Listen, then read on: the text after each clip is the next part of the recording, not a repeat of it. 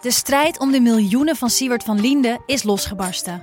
Zowel de staat als zijn stichting eisen de mondkapjeswinst terug. Maar dat die opbrengst in ieder geval niet thuis hoort bij Van Linde, daarover kan toch eigenlijk geen twijfel bestaan. Hoe kon het zo ver komen? Dit is het. We hebben beet. En als Siewert het geld teruggeeft, kunnen wij dit schandaal dan eindelijk loslaten? Je hoort het in de Mondkapjesmiljonairs, exclusief bij Podimo. Ga naar podimo.nl/slash mondkapjes. In de podcast Radio Romano met Noortje Veldhuizen Met Marcel van Roosmalen. En met Roelof de Vries. brengen we alle drie elke week een zogenaamde signalering mee. Wat heb jij nou weer bij je? En aan het eind bepalen we wie de winnaar van de week is. Echt een angstcultuur Lege huls die je er bent? Ja, dat gaat eigenlijk altijd onvriendelijk. Luister nu naar Radio Romano bij Podimo. Via podimo.nl slash Radio Romano luister je 30 dagen gratis. Wij maken geen buigingen naar links en geen buigingen naar rechts. Doe dit de mensen in ons land niet aan. Doe dit onze partij niet aan. Doe dit ons land niet aan. Dit is Betrouwbare Bronnen met Jaap Jansen.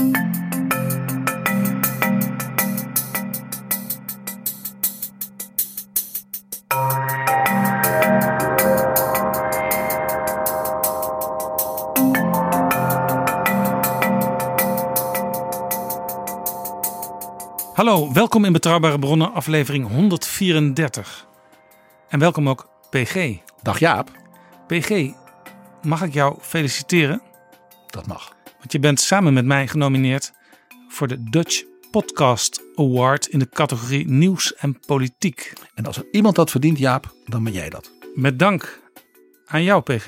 Want zonder jou zou deze podcast niet zijn geworden wat het nu is. En je weet hoe ontzettend graag ik het doe en blijf doen. Daar reken ik op, PG. Die prijs, dat is trouwens een prijs waar je als luisteraar op kunt stemmen. Want er zijn vijf nominaties in die categorie nieuws en politiek. Er zijn in totaal tien categorieën. Je kunt dus allerlei podcasts stemmen. Is er een categorie opera en klassieke muziek? Of nog niet? Nee, die wacht met smart op jouw opera-show die een deze jaren wel een keer zal starten, denk ik. Ja, mijn vriend Dimitri van der Werf, mijn muziek- en opera-vriend, die zou dit liever doen. Nou, misschien als mijn dikke CDA-boek klaar is, dat ik dat maar eens moet oppakken. In ieder geval, mocht je willen stemmen, en dat zouden we natuurlijk zeer op prijs stellen, doe dat dan. Je kunt stemmen via een linkje dat we hebben aangebracht op de website vriendvandeshow.nl/slash bb. Bovenin vind je het linkje. En we zijn je zeer dankbaar en we zijn benieuwd waar we eindigen.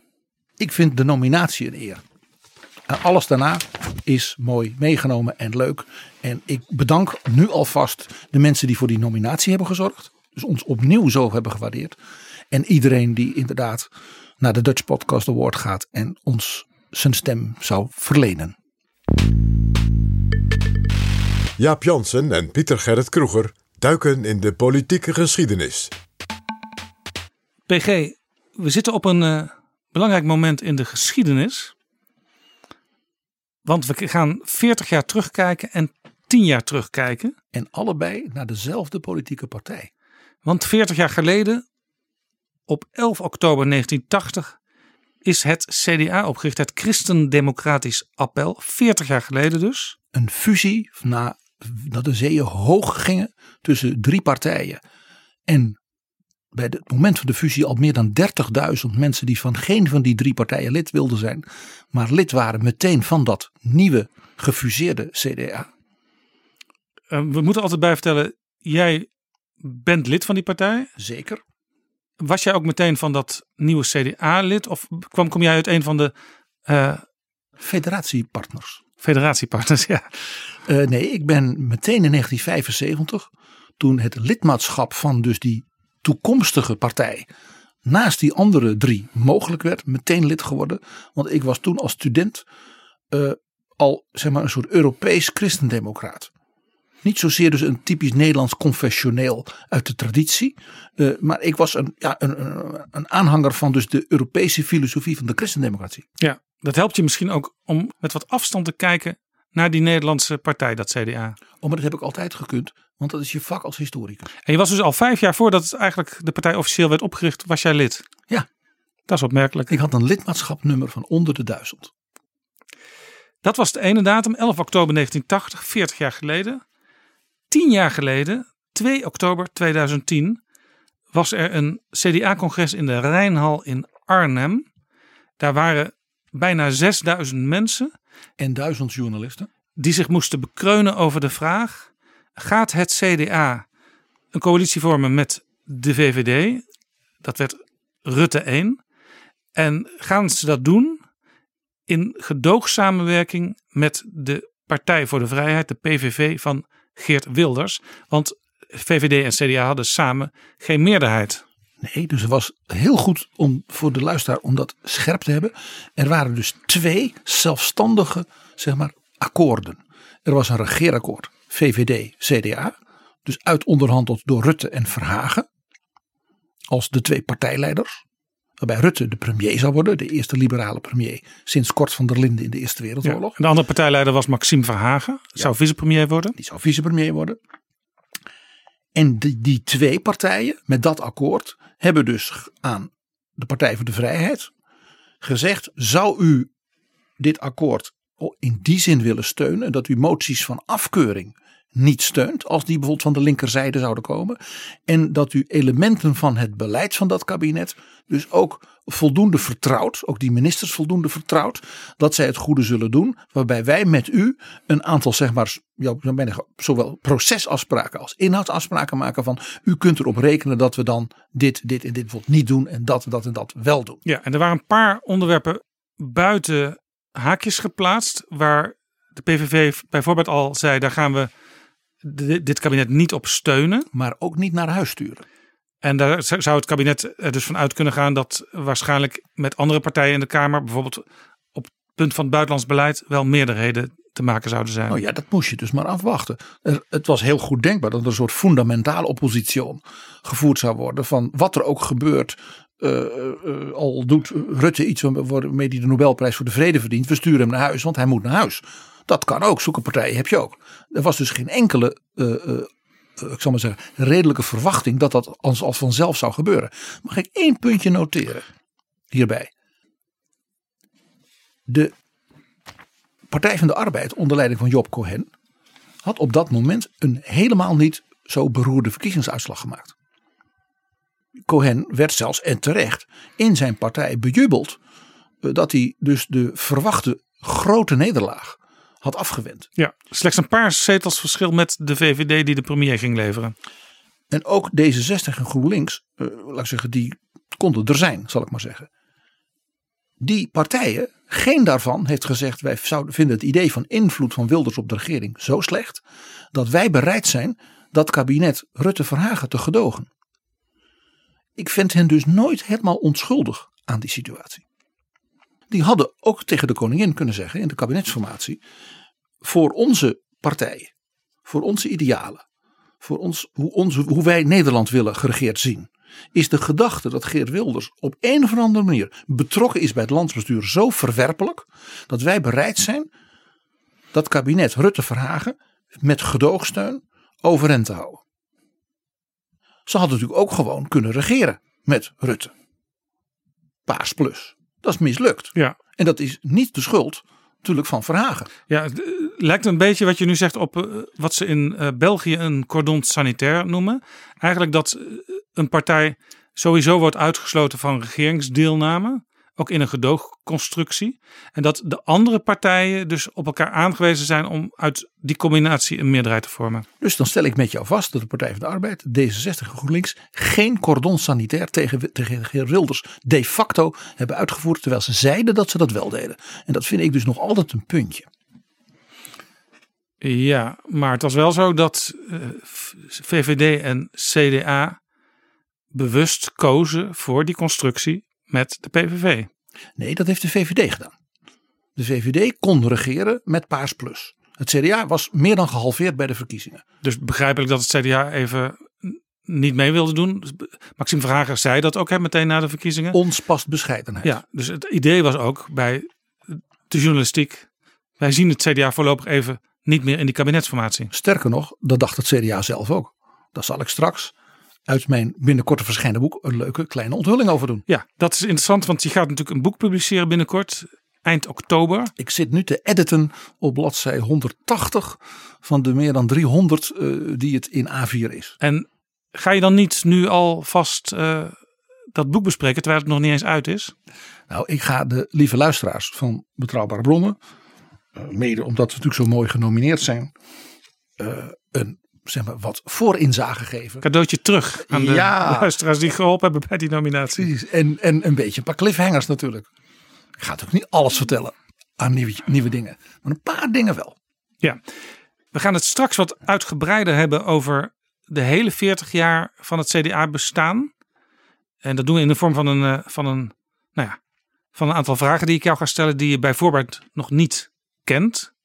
Dus we gaan eens kijken hoe jij daarvan af uh, maakt. Of ik echt wel zoveel weet over het CDA. Hè?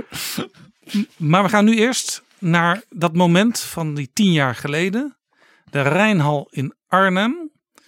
Uh, echt een hele grote ruimte. Want ja, alle CDA's die zich op de een of andere manier betrokken voelden en die daar zin in hadden, die wilden daarover mee gaan beslissen. Over die vraag: moet het CDA in deze constructie stappen?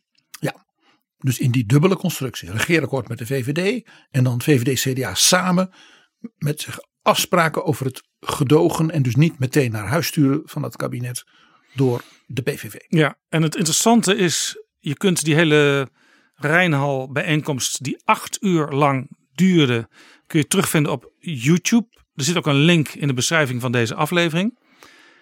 Het interessante is dat eigenlijk dat hele congres, dat gaat eigenlijk maar over één vraag. Kunnen we met die PVV en wat gebeurt er met onze partij als we daarmee gaan samenwerken? Het is dus niet zo dat puntsgewijs alle kleine onderdeeltjes van dat dubbele regeerakkoord werden afgewerkt, wat je normaal op een congres zou verwachten. Jaap, daar zal ik het straks met jou over hebben. Want dat beeld is niet helemaal correct. Wat natuurlijk zo fascinerend was. En waarom is het acht uur op YouTube te vinden? Het is integraal uitgezonden op de televisie. En het had anderhalf miljoen kijkers. Het was dus een van de best bekeken programma's van dat seizoen. Ik bedoel, Ajax had het mooi gevonden voor een voorrondewedstrijd. Het was bij, bij wijze van spreken een Shakespeareaans drama wat zich daar ontrolde. Het is ook genomineerd geweest voor de Nipkoff-schijf. Voor de Nipkoff-schijf? Als het mooiste programma op de televisie van dat seizoen. De Nipkoff-schijf. Ik had dat echt mooi gevonden. Een Dutch Podcast Award is mooi, maar de, de Nipkoff-schijf heeft ook wel iets. En dan Henk Bleker en Maxime Verhagen die de prijs in ontvangst nemen. Uit handen van Geert Wilders. Uh, nou, ik zat meer te denken aan iemand van de publieke omroep. Maar ja. Wie bedacht dat er zo'n uiteindelijk toch als megalomaan ervaren congres werd georganiseerd? Michael Seijboom. En die was toen de directeur zeg maar, van het partijbureau van het CDA. Ja. Veel journalisten kennen hem ook als uh, voormalig voorlichter van, de, van het CDA. Ja. Die moest natuurlijk na die verschrikkelijke verkiezingsnederlaag. En het vertrek van Balkenende, het vertrek van de partijvoorzitter Peter van Heeswijk. En het aantreden van de interim-partijvoorzitter Henk Bleker. Die was al vicevoorzitter. Ja, die moest ja, een soort schema maken van wat, gaan, wat gaat er nu gebeuren de komende maanden. En die zei, ja, Maxime zegt en terecht ons pas bescheidenheid. Uh, dat CDA gaat natuurlijk überhaupt geen rol spelen. Dat komt een kabinet Rutte, Cohen, Halsema, Pechtold. He, zoiets komt er. Uh, maar wij moeten naar onze leden natuurlijk wel uitstralen dat we na die grote nederlaag hè, en die bescheidenheid ook onze leden wel weer meenemen in wat er gaat gebeuren. Dus toen heeft hij gezegd tegen Henk Bleker: Jij moet als dus invalvoorzitter zeggen: Als het zover zou zijn en er zou een regeerakkoord komen waar het CDA als junior partner, hè, want dat, is natuurlijk, dat was natuurlijk het punt. Uh, na al die jaren als grote machtige partij. Uh, ja, dan kan ik mij voorstellen dat u als leden daar ook wel even over wil nadenken. Nou, wij ook. En ik beloof u, dan organiseren wij een partijcongres. Een buitengewoon partijcongres. Waarbij alle leden mogen komen. En dan gaan we daar met elkaar over praten. En nou, we zien dan wel wat er dan gebeurt. Hartstikke democratisch. Je begrijpt dat Henk Bleker natuurlijk geen seconde dacht dat er ooit zo'n congres zou komen. Nee, want het idee was, ze zoeken het maar uit, die andere partijen. Wij zijn even niet aan de beurt. Wij komen helemaal niet in beeld. Die partijen, al die vier, hè, die dan dat Paars Plus zouden doen, hebben één gezamenlijke belang en strategie. En dat is dat almachtige CDA voor eeuwig in de band doen. Dus het laatste wat je moet doen is dan er zo'n puinhoop van maken, als vier Paarse partijen, dat je bij het CDA moet bedelen om steun. Ja, en de situatie was zo dat uh, Mark Rutte was van de grootste partij, de VVD. Job Cohen, de ene grootste partij. Dat scheelde maar twee zetels. Nauwelijks verschil. En dan had je nog Alexander Pechtold, D66 en Femke Halsema, GroenLinks. Die zaten ook uh, enige tijd te, te onderhandelen onder leiding van Herman Cenk Willink en oud-staatssecretaris en oud-PvdA-fractievoorzitter Jacques Wallage als informateurs. Uh, maar dat ging heel stroef. Uh, Cohen in de ogen van Pechtold en Halsema, die was tot weinig bereid. En de Telegraaf was een campagne aan het voeren in VVD-kringen.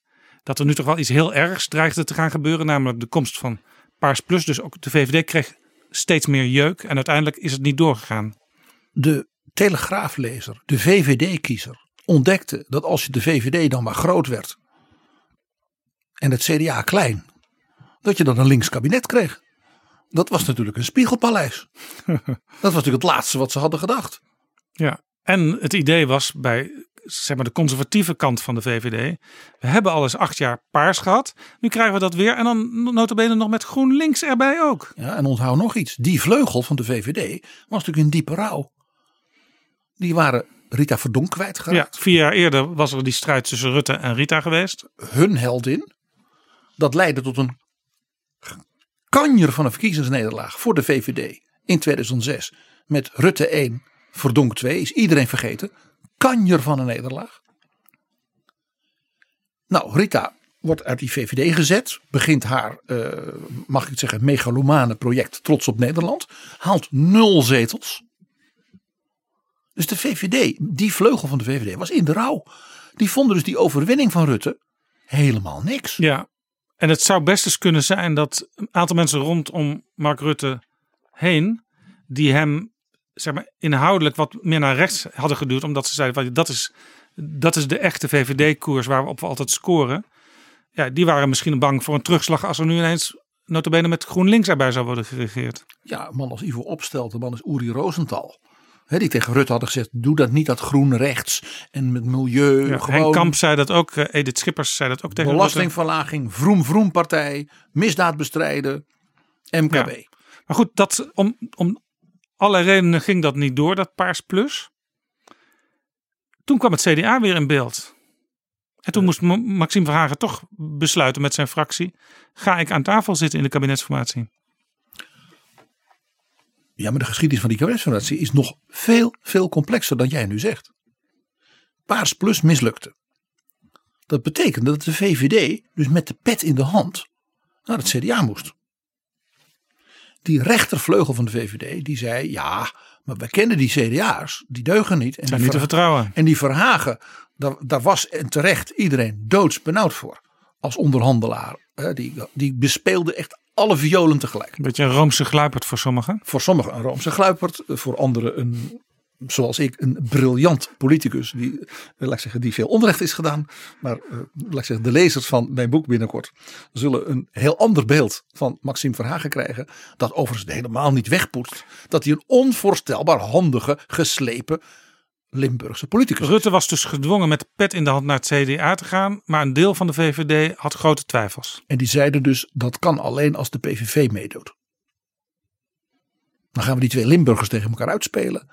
En daar was ook het verhaal natuurlijk. Het CDA heeft verschrikkelijk verloren in het zuiden van het land aan de PVV. Dus dat zijn concurrenten die vreten elkaar op. En de nette CDA's gaan daar naar ons toe, naar de VVD. Dat was want, het idee. Want in de VVD wisten ze natuurlijk dat een groot deel van het CDA zo niet bijna alle CDA's, fundamenteel echt wel moeite hadden met het idee dat er iets met de PVV zou gedaan worden. Het was volstrekt ondenkbaar voor het CDA dat de PVV in een coalitie zou komen. Ook voor Verhagen. Waarom was dat ondenkbaar? Dat heeft te maken met de principes. Gewoon heel simpel. Als je één geloofsgemeenschap, of het nou de Joden zijn, de moslims of de Hindoes, verklaart als niet vallend onder de godsdienstvrijheid, dan heeft geen enkele gelovige godsdienstvrijheid. Zullen we meteen even een fragment laten horen uit dat acht uur durende congres in de Rijnhal? Oud-premier Dries van Acht. Die dus dit punt, zoals je dat van hem gewend bent, dus relateert aan het, de internationale rechtsorde. Dus de echte staatsrechtgeleerde uh, Dries van Acht.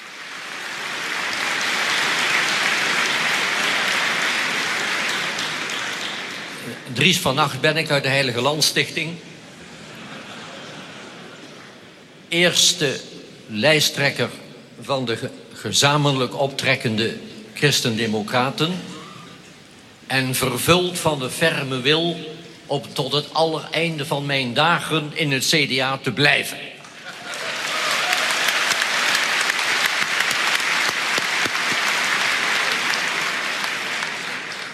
Het gaat mij zeer aan het hart dat ons CDA zich dreigt te verbinden, daar heb je de V, aan de PVV.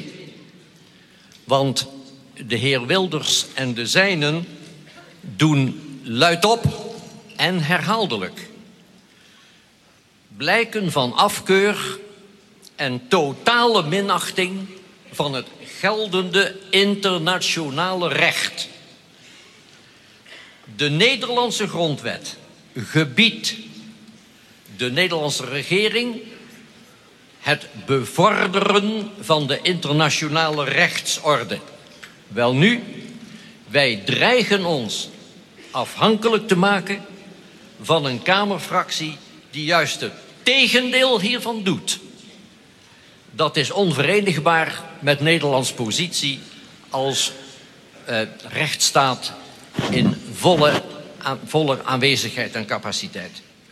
Ons CDA zou zichzelf verminken als het zou toetreden, dit is de laatste zin, als het zou toetreden tot een coalitie die niet kan voortbestaan zonder de pleiters van het nationale egoïsme en de slopers van de PVV. Dit mag niet gebeuren. Dank u wel. Dat was Dries van Acht, sprekend in de Rijnhal in Arnhem. En na afloop, ik kwam hem tegen toen hij gesproken had. Toen liep hij om een kopje koffie te halen. In van die enorme gamellen, weet je, met die lelijke bekertjes. Ja, een soort het gaarkeuken was, was, de, de, was de catering. En ik kwam hem tegen en Dries zegt met zo'n oorlijk lachje, zoals je dat van hem kent. En was het wat? ja, ja. Als je iets tussendoor wilde halen qua consumptie, ik was daar ook, uiteraard. Dan moest je in de rij staan, want er was eigenlijk maar één grote balie aan de achterkant van die zaal. Men had op die 6000 mensen volstrekt niet gerekend. De getallen uh, van zeg maar, de, de, donderdag en de vrijdag. Dat het partijbureau was gaan bellen met de provincies van uh, nou, hoeveel mensen van jullie komen er. Er waren bepaalde provincies die hadden bussen gehuurd. En men had dus geteld 2000, 2500 max. En dan iets van nou, 250, 300 media. Er waren media uit letterlijk de hele Klopt, wereld. Want ik werkte die dag daar voor één vandaag, maar ook voor CNN. En CNN die had in Amerika was er niks aan de hand. Ze hadden zo'n dag dat ze allemaal oude afleveringen van de afgelopen week aan het herhalen waren. Maar aan het begin van elk uur en soms ook elk half uur waren er enkele hoofdlijnen uit de wereldpolitiek. En daar zat ook steeds bij Arnhem. Christian Democrats in, ja, precies Arnhem. Um, en de, battle, the battle of Arnhem. Ja, en ik hoefde eigenlijk alleen maar steeds door te geven aan het hoofdkwartier in Amerika, of in, nee, in het hoofdkwartier in Londen was dit. Of er alweer veranderingen waren. En de, er waren niet zo heel veel veranderingen, want ze waren nog steeds over die ene vraag bezig. Moeten wij wel of niet in die gedoogconstructie gaan samenwerken? Dus ik belde wel steeds met, met, met Londen, maar heel veel veranderde er niet in die kop elk half uur. Dus het was niet zo dat om de 10 minuten Wolf Blitzer of Christian Amanpour zei: Jape, tell us what's going on. Nee, het zat gewoon in het rijtje van uh, er is iets in Eritrea aan de hand en er is iets in uh, Saudi-Arabië. Ja. Ik, ik was er ook, zodat we dat al hadden gehad. En ik ben door de voorlichting van het CDA-partijbureau toen al heel vroeg in de ochtend gekoppeld aan de correspondent van Die Zeit in de Süddeutsche Zeitung. Dan heb je dus over de twee meest serieuze Duitse uh, media. Die daar de hele dag rondliep. En uh, die nou ja, behoefte had gehad aan een zeg maar, CDA-kenner die ook nog iets van Duitsland wist en een beetje Duits sprak. En misschien ook zelfs met de vergelijking met de CDU kon maken. En toen zeiden ze, nou wij weten wel iemand voor u. Dus het leuke was dat ik dus behalve de zaal en de CDA-leden en de andere me en de media en zo, dat ik dus ook een serieuze internationale correspondent als het ware voortdurend bij me had. Met zijn blik op wat gebeurt hier. Dat is voor mij voor de beleving van die dag en ook voor, nou ja, zelfs nu het boek wat ik dan klaar heb, is een hele belangrijke bron geweest. Waar zat jij in die zaal? Ik heb rondgelopen. Uh, door de hele zaal. Uh, ook op de, nou ja, dan zag ik die CDA, dan zag ik die bekende. Uh, en ik heb heel veel op de tribune gezeten, die uitkeek op het prominente deel aan de voorkant en het podium. En die was helemaal voor de media. En daar was Max van Wezel, was daar. En, van Vrij Nederland. Van Vrij Nederland en Thijs Broer. Ook Vrij Nederland. Zijn rechterhand. En dus ik sprak Max, zeg maar, zo'n beetje elke 20 minuten ging ik even omhoog. En dan, nou ja, dan gingen wij elkaars waarnemingen vergelijken. Ja, want het is altijd interessant op zo'n congres. Dat geldt ook voor andere partijcongressen. Uh, wie praat er met wie? Wie praat er lang met wie? Wie negeert wie? Precies. En wie komt er plotseling ook weer aan de microfoon? Zoals in dit geval, we hoorden hem net Dries van Acht. Die vrijwel nooit meer op dat CDA-congres sprak. Er ook niet vaak meer was. Maar hij vond dit blijkbaar wel een uitgelezen moment om van zich te laten horen. En van de Van Acht te laten horen uh, ja, ja, zeg maar, zoals men natuurlijk de Nederlandse politiek hem op zijn allerbeste momenten kende. Namelijk de zeer precieze, briljante staatsrechter. Begaafd jurist. Een begaafd jurist van de Heilige Landstichting. En heeft zo'n, op zo'n dag, er waren natuurlijk veel prominenten en, en, en mensen uit het verleden van die partij. Die kwamen zeggen wat ze ervan vonden. Uh, heel veel kritische woorden, maar ook ja, wat pragmatische kanten van we moeten nu eenmaal regeren. Nou, wat mij het meest bijgebleven is, van de prominenten van heden en verleden heeft in feite maar één, zeg maar, een soort betoog gehouden waarom dat voorstel van het bestuur, want dat lag dus ter tafel, wij stemmen in met, dat dat een goed voorstel was. En dat was Piet Hein Donner. Prominenten die, zeg maar, dat wilden seconderen, waren er nauwelijks. Behalve, ja, ik zal maar zeggen, kijk, iemand die zelf uh, in de fractie zat of minister was. Ja, die had ingestemd in de fractie met het besluit: we gaan dit doen. Zodat het bestuur dit nu aan de leden kon voorleggen. Dus ja, het had geen zin om een zittend fractielid te zijn. En zeggen: ja, ik vind het beleid van mijn fractie heel erg goed. Dat is een soort wc-eend. Ja, dus dat kwam eigenlijk allemaal op Maxime Verhagen als fractievoorzitter aan om dat te zeggen. Ja, en uh, dus van buiten, zal ik maar zeggen. Uh, dus was dat eigenlijk alleen Piet Hein Donner. Het meest opmerkelijk is natuurlijk dat er twee mensen niet hebben gesproken. Ruud Lubbers, de informateur van dat kabinet, Rutte Verhagen en de gedogen Die wel op de eerste rij ongeveer zat. Die heeft een hele tijd vooraan gezeten, maar is op een heel bewust moment weggegaan. En Jan-Peter Balkenende, de, de lijsttrekker bij die verkiezingen, nu vertrokken, ook uit de Kamer maar op dat moment nog wel de demissionair premier. Van Balkenende is helemaal niet gekomen. Nee, jij zegt dus, um, Donner die vertelde dat verhaal, maar dat viel niet goed. Uh, nee, dat uh, leidde niet tot een ovatie van uh, het publiek dat zei eindelijk iemand die zegt waar het staat. Ik ga naar microfoon nummer 1, meneer Donner. Donner uit Den Haag. niet, niet klappen, dat gaat van mijn tijd af. Voorzitter, de discussie gaat steeds meer vooral over het gevoel... moeten we met die man in zee of moeten we niet met die man in zee? Ik kan me die gevoelens heel goed voorstellen. En toch vanuit die beginselen en uitgangspunten waar een beroep op wordt gedaan, denk ik dat we deze stap moeten doen. We zijn het eens over het doel. De ideeën van Wilders over de islam, over allochtonen, over mensen tegenover elkaar, tegen elkaar opzetten, moeten bestreden worden. Maar nu voedt hij zich aan een groeiende tegenstelling in de samenleving tussen mensen die zich in hem herkennen en mensen die daartegen zijn. En als we nu dit akkoord afwijzen, doen we mee in die tegenstelling en verharden die. Als we bruggen willen bouwen, zullen we dat zo moeten doen. Als we van onze uitgangspunten een onverwachte stap moeten doen, dan zullen we die moeten doen. Maar het is een stap met risico's.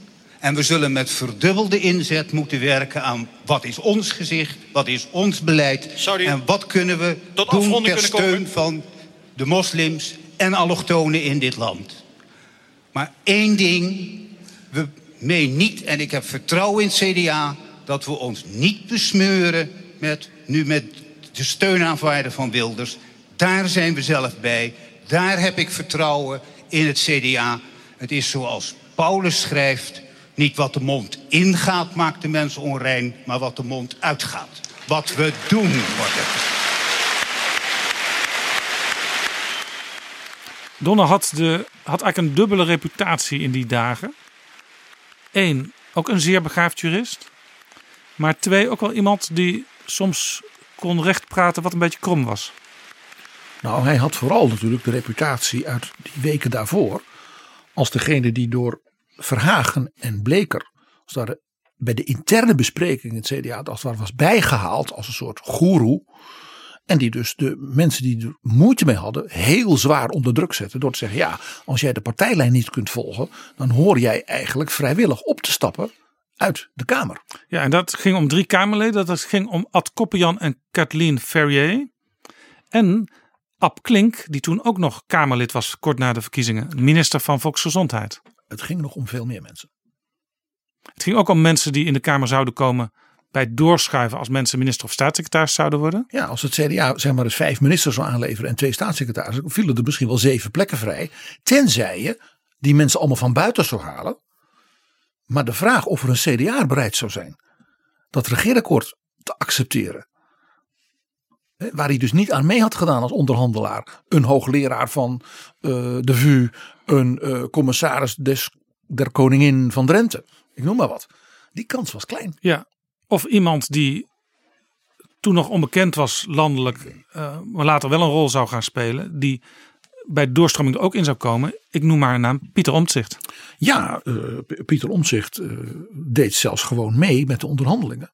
Die zat al bij de fractievergaderingen. Ja, en bij de onderhandelingsteams. Want ja, zonder dat brein en die cijferkunde eh, kon ook Verhagen niet. Nee. Verhagen kende Pieter Omtzigt heel goed als fractieleider van de zeer jonge Pieter Omtzigt die uit het niets, uit de wetenschap in die Tweede Kamer kwam. En Verhagen kon zich af en toe enorm aan Pieter Omtzigt ergeren. eh, maar had een ja, onbegrensde bewondering voor zijn IQ. Want Omtzigt zat al in de Kamer, alleen omdat de partij zoveel zetels was kwijtgeraakt, was hij niet rechtstreeks gekozen. Die moest dus hopen dat er zoveel CDA's in het kabinet zouden komen. Dat hij misschien weer Kamerlid werd. Desalniettemin deed hij dus mee.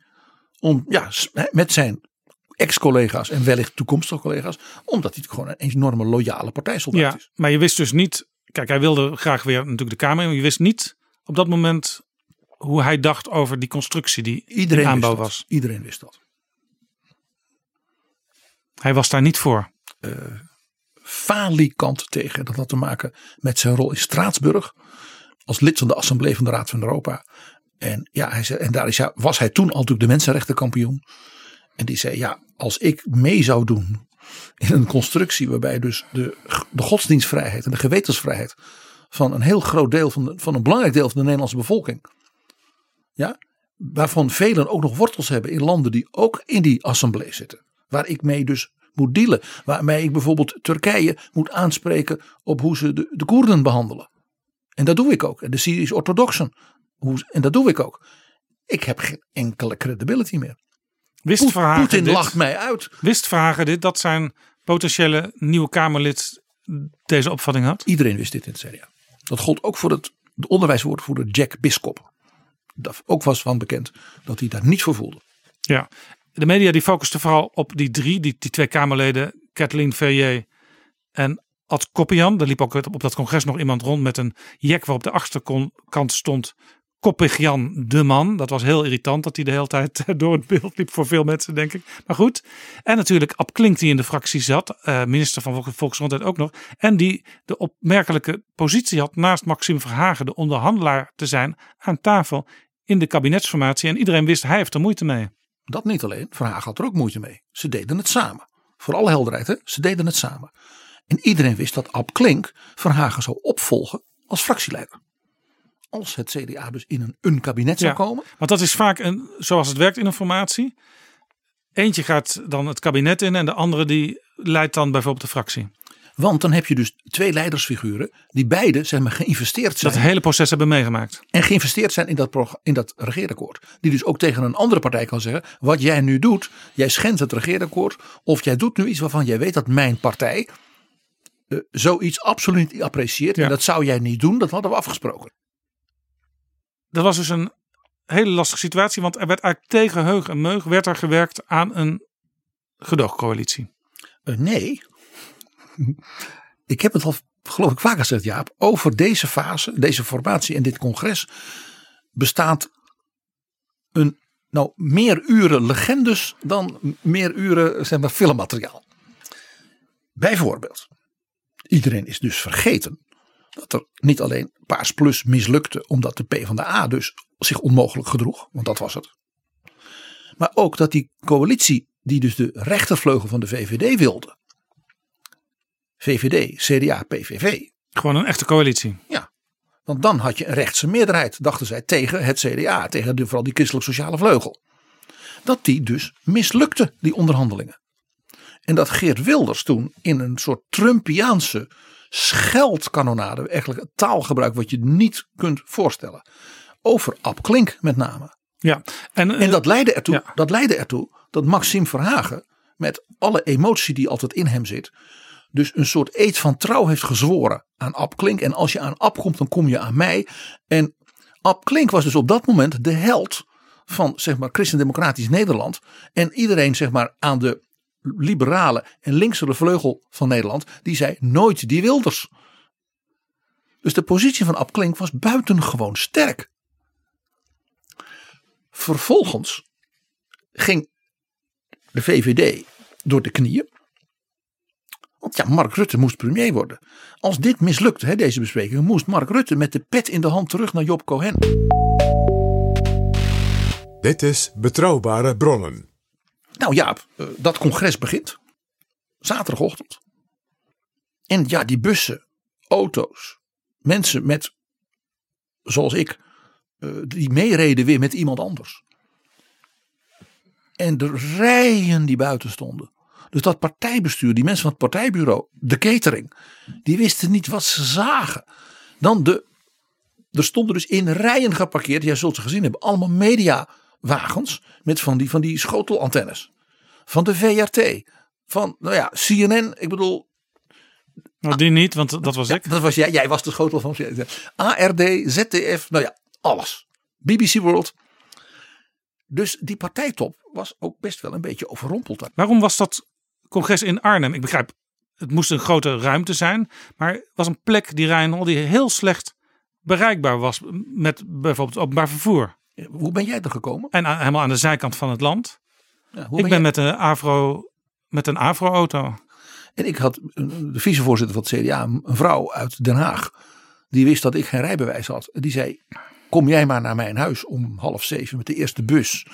En haar man, een keukenprins, Is, die had dus een heel ontbijt klaargemaakt. Zodat wij eh, om kwart over zeven, ik zal maar, gesterkt richting Arnhem konden rijden. Om er als eerste te zijn. Ja, we waren heel vroeg, heel vroeg. Nou ja, waarom Arnhem? Omdat men natuurlijk had gecalculeerd. Ten eerste, er kan een hoop mensen in, dus dat is mooi. En dat is goed bereikbaar. Voor de Veluwe, voor de Achterhoek, voor Salland, voor Drenthe, voor Oost-Brabant, voor Noord-Limburg. Je snapt hem al. Die mensen uit het westen, uit die grote steden, Die zijn- die leden, die hebben slechte verbinding. Eh zaterdagochtend nog heel pas, pas laat een trein. En dan sta je daar in Arnhem en daar is geen bus naar dat station. Van het station naar die, die Rijnhal. Dus dat was een hele bewuste, sluwe keuze. Dus dan kantel je de uitslag al een beetje een bepaalde kant op, zou je kunnen zeggen. Als je ervan uitgaat dat uh, mensen in de periferie, zoals ze dat in de Randstad noemen, waarschijnlijk wat meer genegen zijn voor zo'n gedoogconstructie. En dat dus de achterban daar op het platteland gewend is om met de auto van alles te doen. Dus die komen wel en die hoeven ook niet zo ver te rijden. En dit was natuurlijk allemaal vanuit het idee 2000, 2500 mensen. Nou, als daar zeg maar, ik noem maar eens wat, 1500 daarvan uit die rurale gebieden zijn, dan is het kat in bakkie. Dat was de gedachte. Ja, dat was dus heel, heel democratisch bedacht eigenlijk. Uitermate democratisch. Je, je weet waarom ik ook niet zo'n voorstander ben van volksstemmingen en dat soort dingen. Dus de inschatting van de partijtop was dat gaan we wel halen. Mede door een uh, uh, zeg maar doordachte locatiekeuze. Ik kwam aan met dus de vicevoorzitter van de partij. En wij komen nou ja, nadat we onze muntjes hadden gehaald en uh, stembiljetten hadden gekregen en zo. De penningmeester van de partij tegen. Die was ook voorzitter van het CDA Zuid-Holland. Dus die was ook een collega van die vicevoorzitter die in Den Haag woonde. En die zegt, ah, daar is de CDA-watcher. Dat was ik dus. En die zegt van, nou, jij, jij hebt verstand van de politiek en van onze partij. Wat wordt de uitslag? Dus ik zeg 75, 25. 75 voor, 25 tegen. En ik werd uitgelachen. Echt, gewoon uitgelachen. Waarom? Het wordt op zijn minst 90-10, zo niet 95-5. Ze hadden de avond daarvoor nog een soort belronde gehad met de provinciale voorzitters. Hoeveel mensen komen er? Hebben we nog dingen? Zijn er nog resoluties die we niet kennen? Heel goed, moet je ook doen. En daar hadden ze gevraagd: wat is jullie inschatting qua wat je hoort onder de leden? Nou, echt. Eitje. Dat was de insteek. En jij had daar dus al twijfels bij, hoewel 75, 25 is nog een ruime meerderheid. Een vrij realistische inschatting van de krachten, dacht ik. Maar de partijtop die dacht dus, ook gewoon gehoord hebbende een aantal mensen in het land, dat het, ja, het zou, er zou wel discussie zijn, maar het zou, zou niet zo zijn dat ze acht uur later nog op de uitslag aan het wachten waren. Ja, ook dat. Uh, men had natuurlijk bij zo'n gigantische opkomst natuurlijk ook heel veel meer insprekers dan gedacht. Dus het zou allemaal veel langer gaan duren. En interessant was, de partij had duidelijk zijn verdediging, toelichting hè, voorbereid.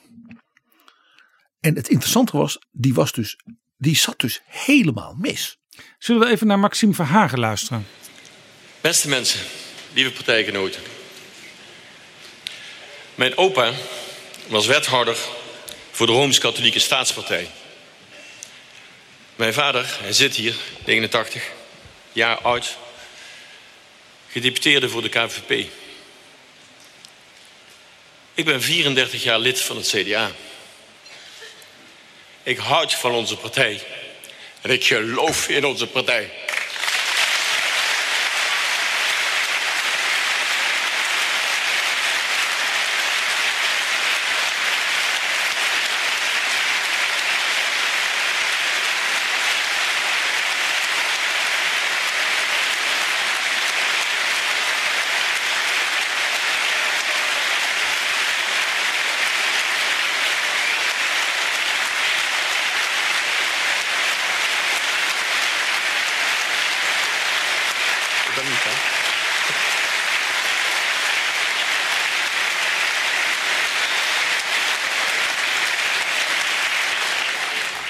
Fantastisch.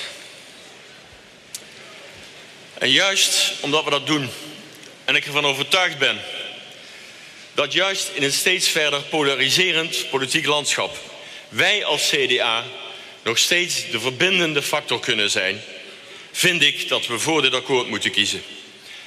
Weglopen van verantwoordelijkheid hoort niet bij ons.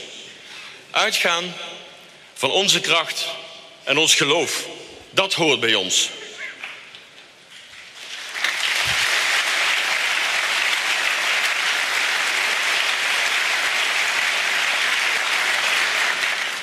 Onze schouders eronder, Nederland beter maken. En laten we ons dus niet leiden door de angst voor de PVV, maar door de kracht van het CDA. En daarom zeg ik ja, laten we het gaan doen.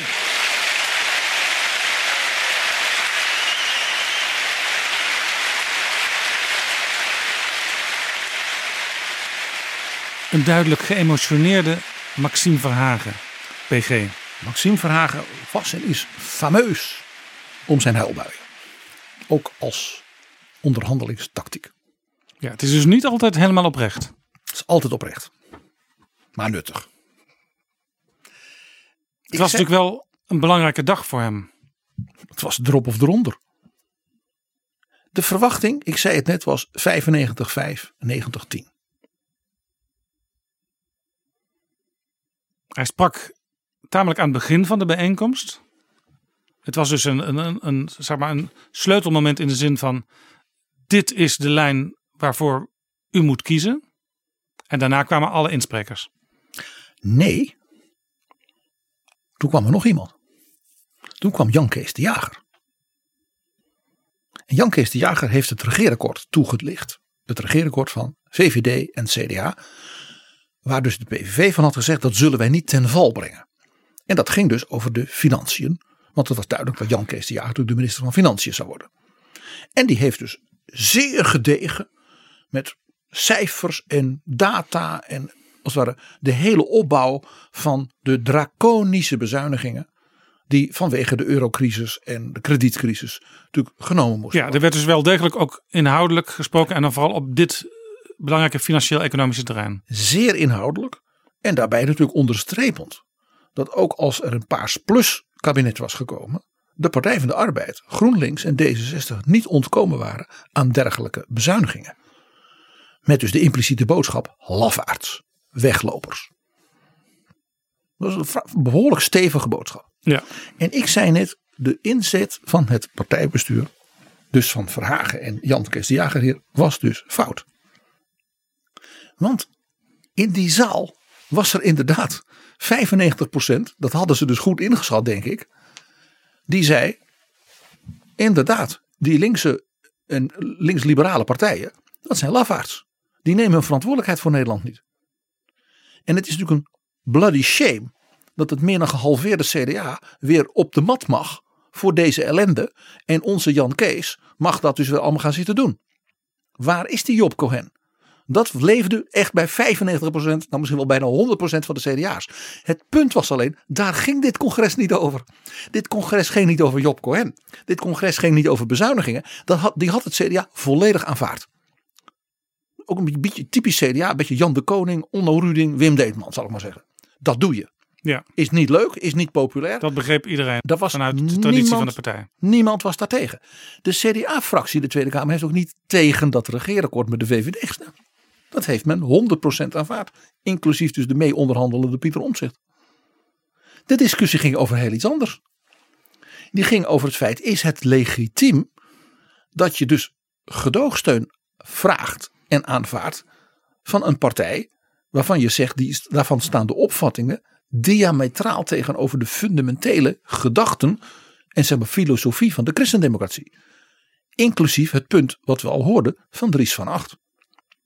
Dat ging dus over internationale rechtsorde. Dat ging over het feit dat de Nederlandse regering verdragen heeft getekend dat je de godsdienstvrijheid verdedigt.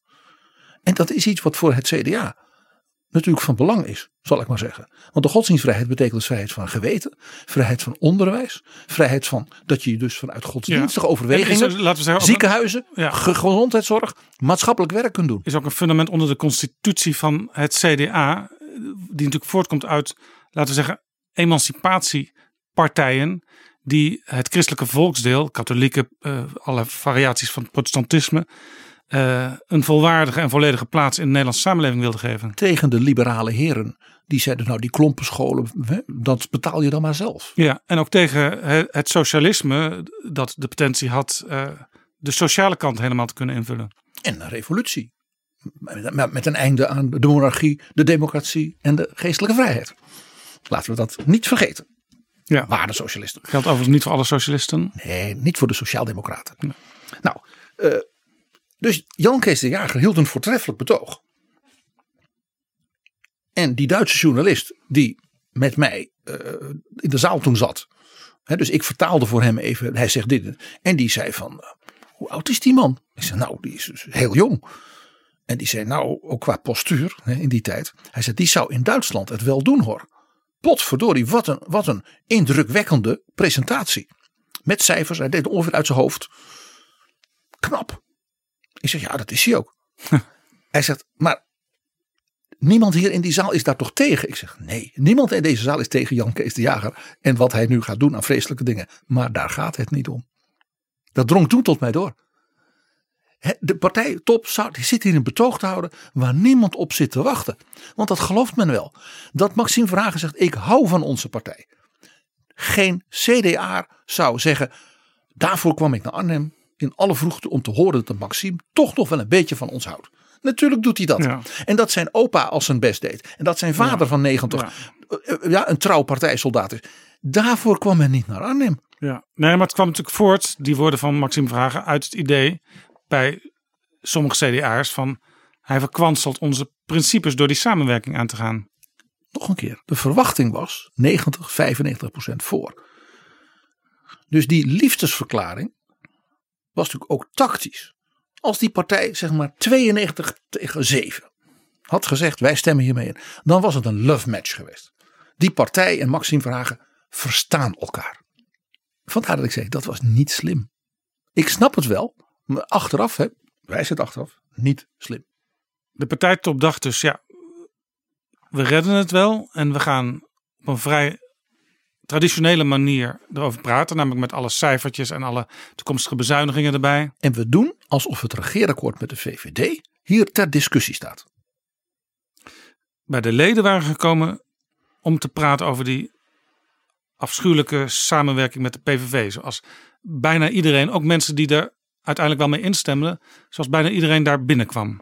De mensen kwamen daar binnen om met elkaar als CDA'ers het te hebben over ja, je diepste principes. Zijn wij nog het CDA, hè, zoals Piet Steenkamp, dat met zijn grote ecumenisch idealisme, dat samengaan van katholiek en protestant, uh, uh, dat ooit bedoeld heeft en heeft opgericht. Het ging echt over wat de Duitsers noemen das Eingemachte, het wezenlijke van je partij. Was er in die discussie, waarin het dus eerst op rolletjes leek te lopen in aanvang van dat congres, was er een kantelmoment? Ja, absoluut. Wat was dat moment? Dat was één speech.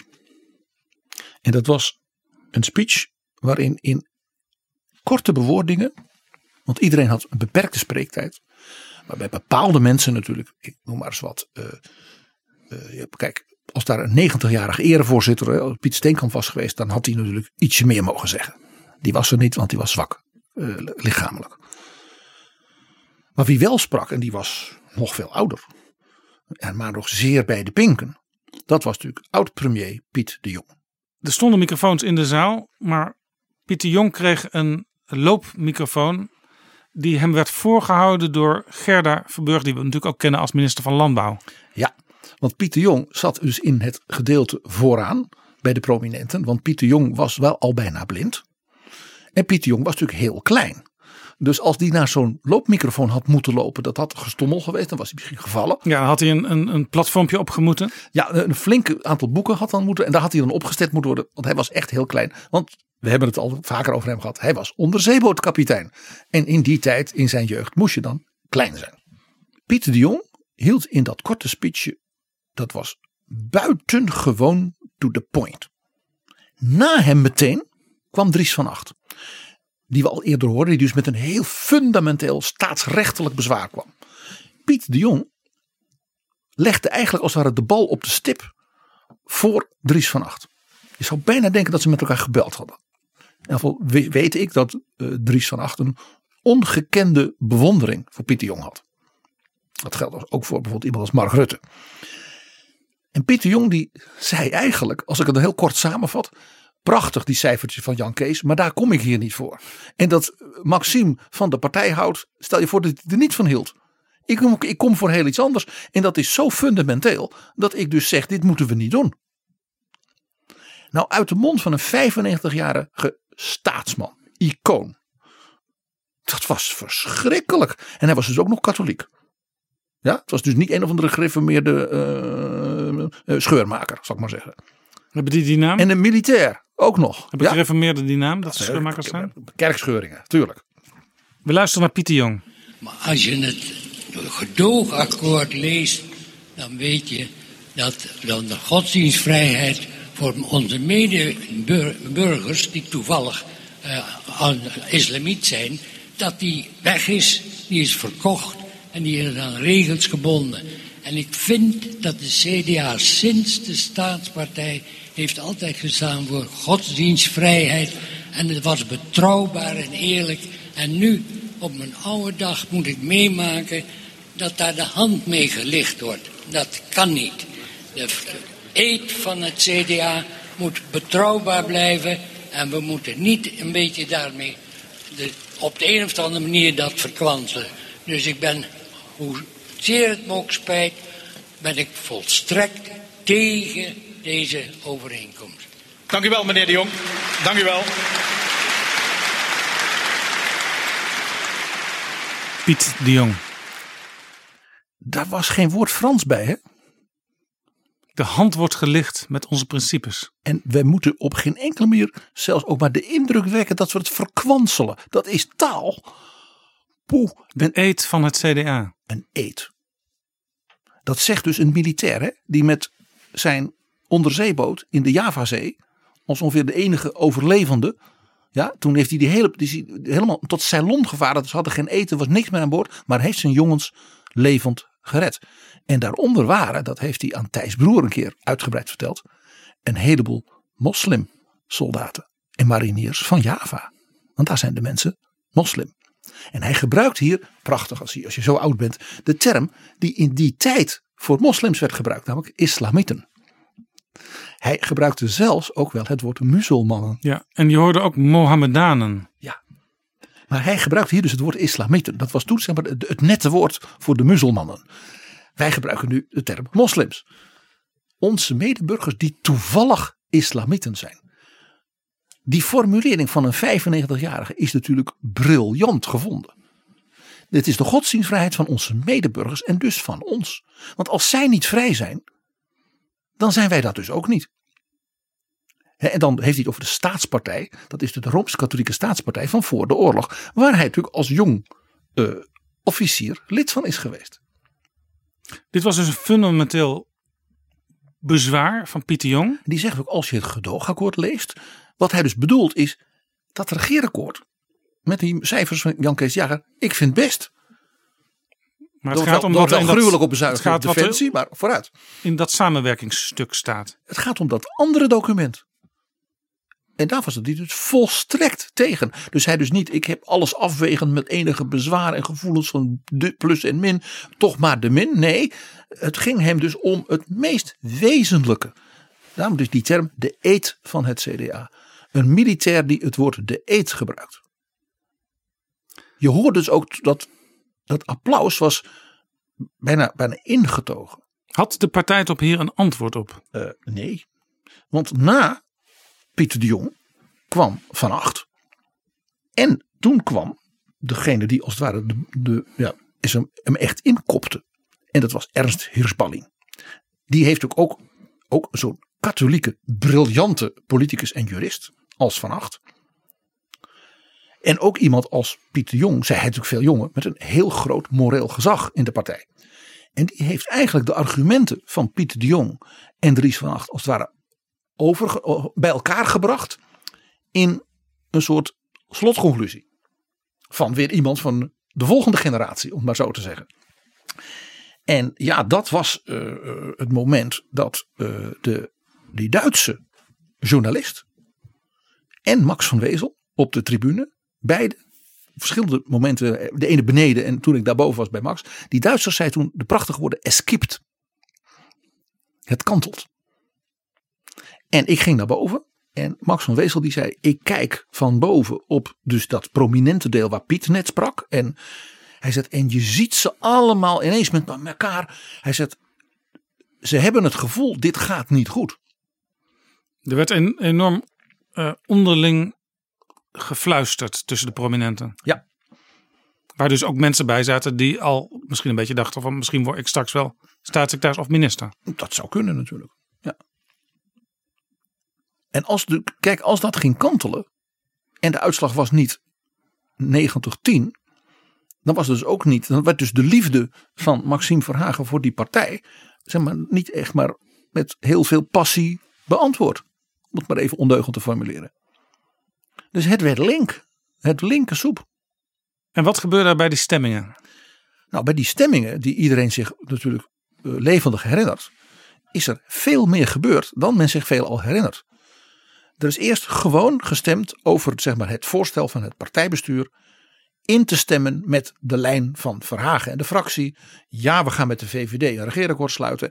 En ja, die over, overeenkomst van CDA en VVD samen met Wilders, die is akkoord. Men heeft ze dus niet verschillend in stemming gebracht. Maar is één pakket. Die werd met handopsteken gedaan. En de voorzitter van de stemminggedeelte was Jos Hoeben, burgemeester. En die zag terecht dat er een meerderheid was in de zaal voor dat ja. Het was zeker niet 90-10. Om nee, er even zo nee, te er gingen best wat, uh, wat stemkaarten nog de andere kant op. En ook bij de prominenten zag je mensen als Wim Deetman. Die met een enorm gebaar zijn hand in de lucht met het nee-biljet. dus dat was duidelijk. En je zou zeggen dat dus Hoeben daarna zei. Ik heb nog een aantal resoluties die van de afdeling Amsterdam. De afdeling uh, Friesland. Hè, van de jongeren. Nee. Op dat moment werd Hoeben eigenlijk min of meer van het spreekgestoel geduwd. En kwam Maxime Verhagen. En die heeft toen, mag ik het zeggen, de politieke blunder van zijn leven gemaakt. En dat is wat, want de man is een briljant politicus. De politieke blunder uit het politieke leven van Maxime Verhagen. Ja, de emotie nam bij hem de overhand. Lieve partijvrienden, dit is een feest. Een feest van de democratie. En een feest dat iedereen heeft kunnen zeggen wat hij of zij op haar hart had. Ik ben blij dat ik uw vertrouwen, wat u mij gegeven heeft toen u instemde met de kandidatenlijst voor de Tweede Kamerverkiezingen, dat ik dat niet beschaamd heb en u recht gedaan aan onze ideeën, opvattingen, maar vooral ook aan de christendemocratische uitgangspunten. Solidariteit, gerechtigheid, gespreide verantwoordelijkheid en rentmeesterschap, daar zult u en daar kunt u ons op afrekenen. Ik dank u wel.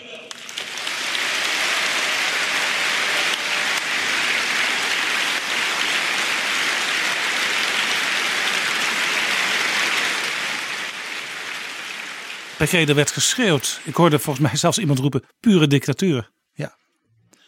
Van Hagen kreeg dus een boelconcert uit de zaal. Want niemand in die zaal vond dit een feest.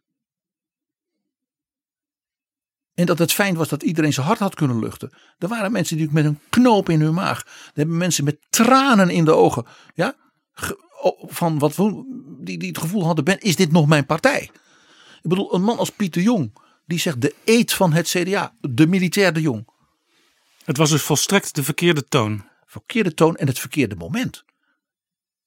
Meteen na die ene resolutie als het ware roepen. Ik heb gewonnen. Dat was wat hij zei. Ja. Niet, ook even het volledige democratisch proces afwachten. Laat dan gewoon die, al die andere resoluties stemmen. Uh, laat dan partijvoorzitter Bleker alle aanwezigen en de media danken voor de respectvolle wijze waarop dit heeft gekund. En dat je, en dat je, Maxime Verhagen als onderhandelaar alle succes wenst bij de afronding hiervan. En laten we proberen als partij de eensgezindheid, die he, toch vandaag ook bleek, dat we die vasthouden. Dat hadden ze moeten doen. Dus wat er gebeurde was een soort golf van emotie op de emotie van Verhagen. En dat was dus een zeer negatieve golf. En ja, toen moesten er, moesten dus die volgende stemmingen komen. En toen ging het dus helemaal mis. Ja. Want bij die stemmingen was er dus een heleboel resoluties, ja, laag in stemming, die dus tegen de lijn van Verhagen waren. En Jos Hoeben, die stond dus op dat toneel. En die kon niet meer zien of het nou zeg maar 50-50 was of 60-40 of 5. En dus na een paar van die stemmingen dat hij zei ja, dat moest de stemming over. Dat was ook tamelijk hilarisch. Hè? Daar heeft, eh, heel Nederland heeft eh, zich daarom bekreund. Eh was natuurlijk niet zo aardig in de richting van het CDA. Maar ja, ze hadden- het zelf georganiseerd. Ehm, hij zag niet, niet meer precies hoe die verhoudingen waren. Was ook een heel ingewikkeld stemsysteem met kleurtjes bedacht. En met, eh, op een gegeven moment riep hij zelfs... Als u tegen bent, dan moet u voorstemmen. En later bleek ook nog een keer toen er werd teruggeblikt op deze dag... dat Jos Hoebe kleurenblind was. Dat niet alleen. Ja, het is een ontzettend fijn mens. Dus ik, ik lach gewoon even niet. Ik lach hem niet uit. Maar om de hilariteit van de situatie. Ze hadden ook nog die kleuren verkeerd bepaald. Voor was geel en tegen was paars. En als je kleurenblind bent, dan kun je dus precies dat soort mengkleuren niet zien. Dan zie je grijs. Wit en zwart, dat had nog gekund, zal ik maar zeggen. Maar precies die mengkleuren, die zie je niet. Ik weet, Jaap, dat jij een fragmentje hebt gevonden van die stemmingen met die kleuren en dit en dit. En dan hoor je dat dus wat die Duitse journalist zei en Max van Wezel, dat eskipt, dat dat klopt. Dan zie je dus, en dan hoor je ineens de volstrekte paniek, zeg maar, in dat bestuur, op dat podium. En die zien, wij raken die zaal kwijt. Na de interventies van eh, de Jong, eh, van Acht, Hirsbalin. Want dan hoor je hoe Jos Hoeben wordt weggetrokken. Achter het spreekstoelte. Achter de microfoon. En dat Jan Kees de Jager hem probeert als het ware wakker te schudden van dit gaat fout. En dan hoor je hem zeggen ja maar, ja maar. Ja. Dat, gefluister, dat fluistermoment dat is dus het meest, eh, laat ik zeggen, oprechte moment zou je kunnen zeggen. Van dus de paniek die toen in de top van het CDA uitbrak. Ja, spits je oren, want dan hoor je Jan Kees de Jager interveneren. Je hoort ook nog discussie tussen Jan Kees de Jager en Jos Hoebe over hoe nu verder. De illustratie van de paniek.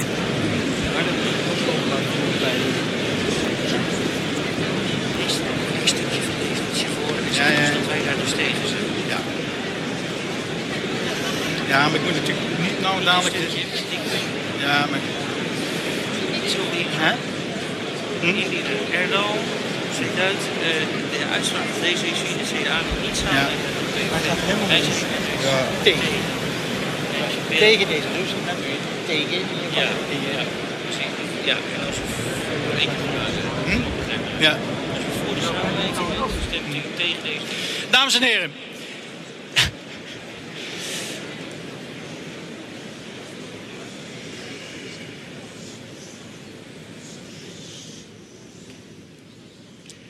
Het is kennelijk niet duidelijk, want ik krijg hier heel veel opmerkingen, vragen over wat men nou had moeten doen. Het leek dus zo goed georganiseerd, maar het ging helemaal mis op dat moment. Ja. Je hoort dus ook Jos Hoeben als hij dan weer bij die microfoon staat. Hè, met, eh, nee, dan zegt hij, eh, dames en heren, en dan valt er weer een stilte. En eh, dan zegt hij van, misschien was het niet duidelijk. Wat je natuurlijk nooit moet doen als je duidelijkheid wil bieden, te vertellen dat je niet duidelijk was. Dus die zaal begint te lachen. Er komt dus, eh, daar gaan mensen dus dingen roepen.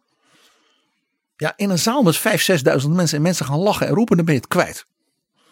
Op dat moment, als je de filmbeelden ziet, zie je dus ook dat er allemaal briefjes bij die arme Jos Hoeben op zijn spreekgestoelte werden gelegd. Van dus Jan Kees de Jager, van Verhagen. Van, dus die man Ja, die werd, Ank Bijleveld, Ank Bij- die was ook eh, daarbij betrokken. Ank Bijleveld was dagvoorzitter voor een belangrijk deel van de discussie. Omdat ze dat heel goed kan namelijk. Mensen na een minuut zeggen dank u wel. Dat, ja, dat moet je kunnen. en dus die arme Jos Hoeben die zag je dus echt helemaal als een soort ja, hoop as stond daar op het toneel op een bepaald moment. Die man was dus zijn zekerheid kwijt. Had het gevoel dat er in zijn rug voortdurend messen werden gestoken door zijn vrienden. Nou, toen hebben ze uiteindelijk besloten. We gaan de stemming overdoen. Maar dan ook alle stemmingen. En dat gaan we doen door die briefjes voor en tegen in mandjes te doen. Die zouden rondgaan en dan zouden worden geteld. Nou, dat is wat je noemt een feest van de democratie. Alleen, er was natuurlijk. Zo'n congres, Jaap, is niet een statisch iets. Na de toespraak van Verhagen met dat feest voor de democratie waren de bussen richting Limburg. Die hadden de motor aangezet. Dus grote delen van mensen die nog een end moesten rijden of met een bus waren gekomen, die gingen zo langzamerhand richting uh, het staminé om nog eens even na te praten met een goed pils. Het idee was de belangrijkste beslissing is gevallen. Ja. En die is in tot voor ons bevredigende richting gevallen. Ja. Ofwel teleurgestelde richting, maar ja, de bus gaat en ik moet wel weer naar Roermond. Of naar Valkenburg aan de Geul. Naar Venlo. Dus op het moment dat die mandjes met die stembriefjes rondgingen, begon dus aan, was aan de achterkant van de zaal de zaak al aan het leeglopen. Het verzamelen van die mandjes en het tellen van die mandjes, dat was natuurlijk een hoop werk. En dat was dus tijdrovend. Dus wie bleven erachter? De ja, werkbijen. De werkbijen, de diehards. Max van Wezel, PG Kroeger en Jaap Jansen. Nou, na een hele tijd wachten, waarbij natuurlijk de media, zeker de radiomensen, natuurlijk al die langzaam weglopende CDA's uh, probeerden nog te pakken te krijgen. Ruud Lubbers was al heel slim veel eerder weggegaan, want die wou vooral niet iets moeten zeggen. Zolang dus de camera's geconcentreerd in die zaal stonden, kon Lubbers wegsluipen. Ja, tijdens de stemming. En ja, toen kwam het moment van dus de, ik zal maar zeggen, echte uitslag. En ja, die moest natuurlijk worden voorgelezen, die uitslag, namens het partijbestuur, door de voorzitter van het partijbestuur, interimvoorzitter Henk Bleker. Beste vrienden, partijgenoten. Uh, er is een uitslag van uh, de stemming over de partijbestuursresolutie die de fractie opriep om het zo te leiden dat het komt tot vorming van een regering en tot vruchtbare samenwerking met die regering op basis van de regeerakkoorden. Er zijn uh, 4033 stemmen uitgebracht. Tegen waren 1274 voor 2759, 68% voor, 32% tegen.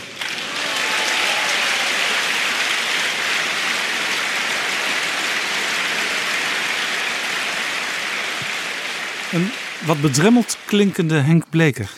Dat uh, mag je wel zeggen. Uh, dit is niet, het is een feest. Wat fijn dat we met elkaar hebben gepraat. Je hoort een geslagen man. Het verschil was klein geworden. Kleiner dan verwacht. Het was de slechtst denkbare uitslag. Jaap, ik had dus behoorlijk misgezeten. 75, 25. En de partijtop helemaal, want die dacht dat het nog veel, een veel grotere meerderheid zou zijn. Verpletterend, dachten ze. 95, 5, 90, 10. Als het dat geweest was, was het helder geweest. Dan had men tegen die 5 of die 10 kunnen zeggen: jongens, blijf nou meedoen. Ja, jullie hebben de moeite mee. We zijn natuurlijk bereid naar jullie te luisteren, maar wees wel een goede democraat. En dan zouden er misschien een paar mensen opgestapt zijn uit het CDA. Herman Wijfels of zo. Maar dat was het geweest. Was het 50-50 geweest? Was het ook helder geweest? Dan was Maxime Verhagen naar Mark Rutte gaan. Die had gezegd: Mark, mijn partij trekt dit niet. Dan had natuurlijk het CDA een nog Trumpiaansere geldkonanade over zijn rug gehad. Van Geert Wilders. Natuurlijk. Elke vorm van redelijkheid was toen daar natuurlijk dan verloren geweest. Wat eigenlijk vanuit het politiek oogpunt gezien wel goed was. En Mark Rutte had met zijn pet in de hand teruggegaan naar Job Cohen. Nou, het CDA, wat ik al eerder zei, gunde hem dat van harte. Ja, maar strategisch had en, de, dus... en, en Job Cohen had dus dan al die gruwelijke bezuinigingen van Jan Kees de Jager mogen doen. En strategisch had dat dus voor het CDA goed uit kunnen pakken, electoraal later. Machiavellistisch geredeneerd was het volkomen terecht dat iemand als PG Kroeger Want hoe werkte dit door voor het CDA? Ze hadden natuurlijk onder de laatste ronde van Balken en hadden ze al een grote klap te verwerken gehad. Nu kwam deze gedoogcoalitie erbij. Nog, nog één dingetje nog even toevoegen. Dus de uitslag 90 10 en de uitslag 50-50 had beide dus volstrekte helderheid gegeven. Nu zat Maxime Verhagen en Bleker dus helemaal klem. Maxime Verhagen kon niet tegen Rutte zeggen: ja, het is twee derde, een derde, ik trek dat niet. Dan had Mark Rutte gezegd: wat voor leider ben jij? Ja, maar die 32% was zo'n grote groep. Dat die niet weggepoetst kon worden met de mededeling. En nu moet je je mond houden. Het betekende dus dat Kathleen Ferrier, Ad Koppenjan, uh, Pieter Omtzigt en de fractie konden zeggen: wij spreken namens ten minste een derde van onze achterban. En dat betekende nog iets. En dat was voor uh, zowel Bleker als Verhagen zeer zorgelijk. Zeer zorgelijk. Er zou natuurlijk nu binnenkort een nieuwe partijvoorzitter gekozen moeten worden. En die partijvoorzitter, die de kandidaat was van de 32%, die ging natuurlijk winnen. Tenzij Verhagen en Bleker iemand konden vinden van enorme statuur, die het met hen eens was. En dit congres had duidelijk gemaakt, die was er niet. Dus die partijvoorzitter, dat werd dus Rut Peetoom. Lid van de commissie die die nederlaag had onderzocht, hè, de commissie Frissen. En iemand die vanuit haar uh, uh, zeg maar, protestante, uh, sociaal-christelijke profiel duidelijk bij de tegenstanders behoorde. En die won die verkiezing afgetekend. In de eerste ronde 40%, in de tweede ronde meer dan 60%. Ja, en zoals Piet Steenkamp rode Piet werd genoemd, werd zij ook wel rode Rut genoemd soms. Maar dat kwam door de kleur van haar haar en haar pips. Ja, nee, maar ook omdat ze toch tot, tot, wel tot... Kijk, bij het CDA spreken ze liever niet van links en rechts, maar ze behoorden toch duidelijk wel tot de linkervleugel van de partij. Ja, tot de, de, de, de meer sociaal-christelijke, uh, vaak ook wat protestant uh, uh, ingekleurde beweging. Ja, ja. ja, dus dat was eigenlijk wel een logische reactie op wat er allemaal gebeurd was om, om haar te kiezen. Nou ja, zij was de kandidaat van zeg maar, dat deel. En ze begon dus met 32% van de stemmen. Nou, dan lig je in de eerste ronde dus meteen vooraan. Tenzij je iemand kan vinden die dan al 50 had. Ja. En die was er niet. Maar ja, om de pijn zullen we het maar noemen, in zo'n partij te helen, is het ook wel goed dat er iemand van de andere kant in de top bij komt. Uh, ja, ja. Uh, ja, dat, ja, dat kun je zeggen. Dat is nog beter als het iemand is met een grote pastorale geneigdheid. Ja, wat zeker voor haar geldt. Dus zij heeft ook die eerste jaren niks anders gedaan. Met, met mensen praten. van, van geef het nou niet op en wat dan niet. En, in mijn boek vertel ik echt een heerlijk verhaal van haar. Dat ze dan op de 99e verjaardag van oud-senator Johan van Hulst komt. Vlak na haar, de verkiezing.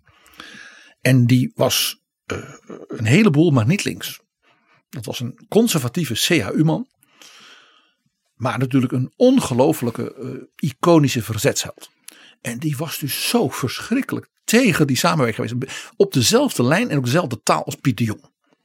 Ook geen linkse drammer. Maar, Johan van Hulst, nou, dus uh, Rut Petom vertelde dan dat, dat ze op die verjaardag komt. Dat ze me zegt, ik heb de volle laag van hem gekregen. Hij was als Eerste Kamerlid berucht om zijn retorische kwaliteiten. Ministers zitten ervoor hem. Zegt, ik kreeg de volle laag van de 99-jarige Johan. En toen zei hij, maar je komt toch volgend jaar Deo Volente wel op mijn honderdste? En toen zei ze, Johan, als je me wil hebben, dan kom ik. En toen zei hij, ik vind dat geweldig, Rut. En toen, en, en toen zei ze, ik ben dus alle jaren daarna geweest. En ze zegt de laatste keer, na zijn 107e verjaardag. En ze zegt, hij was toen broos, een hele oude man. Maar die geest, zei ze, zo scherp als een mes. Tot slot, PG. Het CDA had nog lang last van wat er allemaal gebeurd was. Zeker ook electoraal. Want bij de verkiezingen daarop toen het avontuur met Geert Wilders weer voorbij was, verloor het CDA nog meer zetels. Ja, en dat avontuur van dat gedogen, om het maar even zo te zeggen, kwam niet tot een eind door Kathleen Ferrier. Niet door Koppenjan, niet door Omtzigt, niet door Peto. Wie maakte een eind met geweld aan de carrière van Maxime Verhagen? De PVV in Limburg. Over tragiek gesproken. Je zou er een opera van kunnen maken. Maar zoals jij het vertelt op dit verhaal, bleek eigenlijk ook wel dat Maxime dat leiderschap van zijn partij, waar hij met al zijn ziel en zaligheid al bijna 40 jaar in actief was, dat hij dat niet in de vingers kreeg. Vandaar tragiek, opera. Ik moet altijd aan de opera Saul van Hendel denken. Saul, de geweldige leider van Israël. Ja, die dan door twijfel ja, besprongen wordt en, de, en ten onder gaat. Uh, Maxime Vragen is een beetje Saul van Hendel. En ik vind dat zijn beste opera. Dus, nou. PG, jij zegt iets over de PVV in Limburg. Daar gaan we het nu niet over hebben. Dat is een verhaal apart. Dat gaan we nog een keer apart behandelen. Dat zou ik zeker doen, ja. Dit is Betrouwbare Bronnen. Een podcast met betrouwbare bronnen.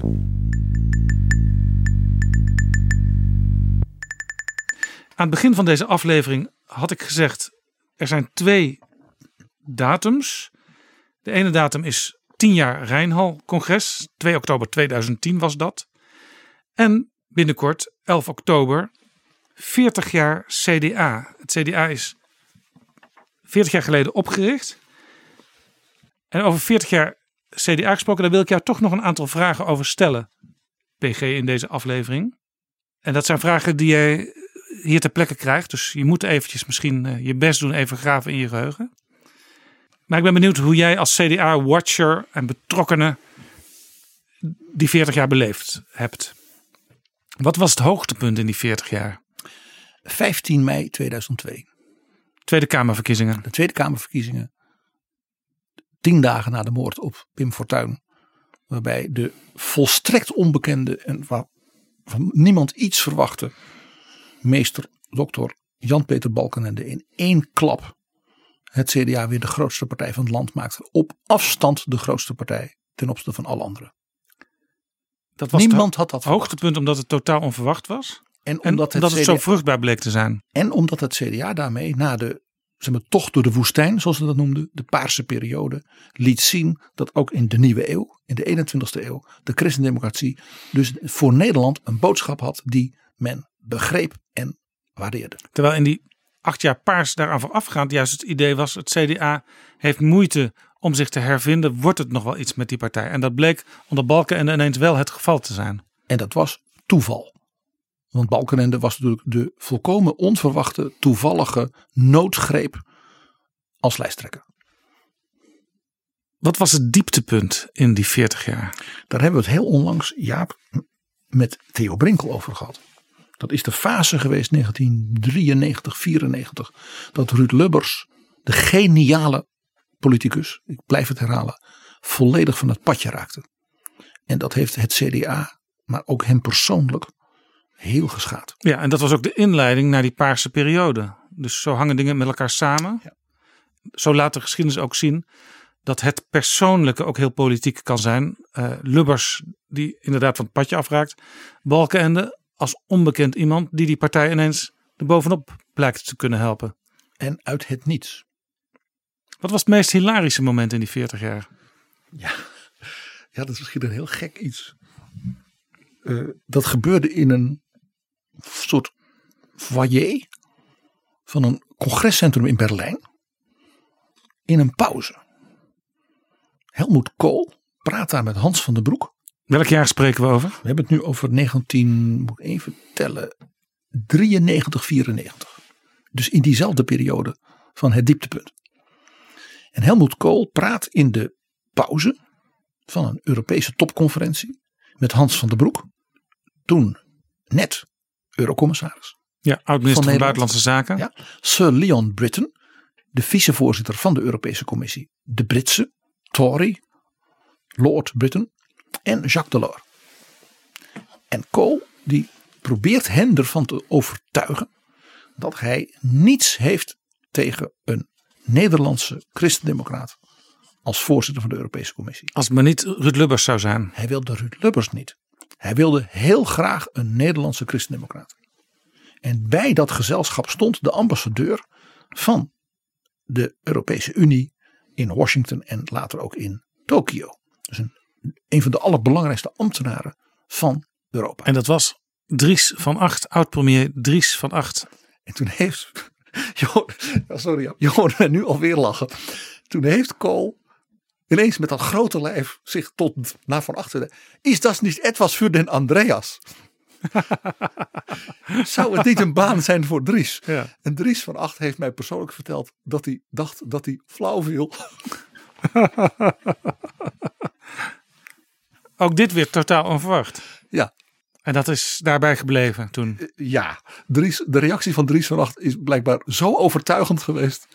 Uh, laat ik zeggen dat er bijna een dokter moest komen met een glaasje water. Dat zelfs Helmoet Kool was overtuigd. En die was niet snel van zijn stuk te brengen. Want ja, als je 150 kilo weegt, dan is daar meer voor nodig. Wie is de beste politieke leider die het CDA nooit gehad heeft? Die het CDA nooit gehad heeft? Uh, dat is Jan de Koning. Die natuurlijk wel aangewezen werd door Dries van Acht ja. om hem op te volgen. Toen Dries het politieke uh, woud inging. In de nevelen van de herfst, zoals hij dat zelf zo mooi noemt. Ja, en de vaste luisteraars van Betrouwbare Bronnen weten de kwaliteiten van Jan de Koning vaak door jou uh, benadrukt en geloofd. Wie is de beste vrouw als premier die het CDA nooit gehad heeft? De beste vrouw als premier? Dat vind ik een leuke. Um, Maria van der Hoeven. Maria van der Hoeven. Minister van Economische Zaken geweest, minister van Onderwijs geweest, Kamerlid. Uh, heel veel de Kamer voorgezeten. Uh, daarna een topvrouw uh, in Parijs van zeg maar, de Europese coördinatie van alle energieagentschappen. die had dat gekund. En ja, een perfecte performance altijd. Ze was een zeer mooi gekleed. Ze was heel sportief. Ze wou slank zijn. Uh, ze had een beetje couture. Uh, ja, die had ook op het Europese en internationaal toneel. Nou, dat bleek dus ook hè, na haar ministerschap. Een soort Ursula von der Leyen. Een leuke vergelijking. Ja. Wie is de uniekste persoon in het CDA? De uniekste? Johan van Hulst. We hadden het net over hem. Dat, geen enkele twijfel. Ja. Docent, kweekschooldirecteur, oorlogsheld, verzetsheld. Heeft een belangrijke rol gespeeld ook bij het, het overbrengen van uh, kinderen, van Joodse kinderen, honderden, naar veilige plaatsen. Honderden, men weet het niet precies.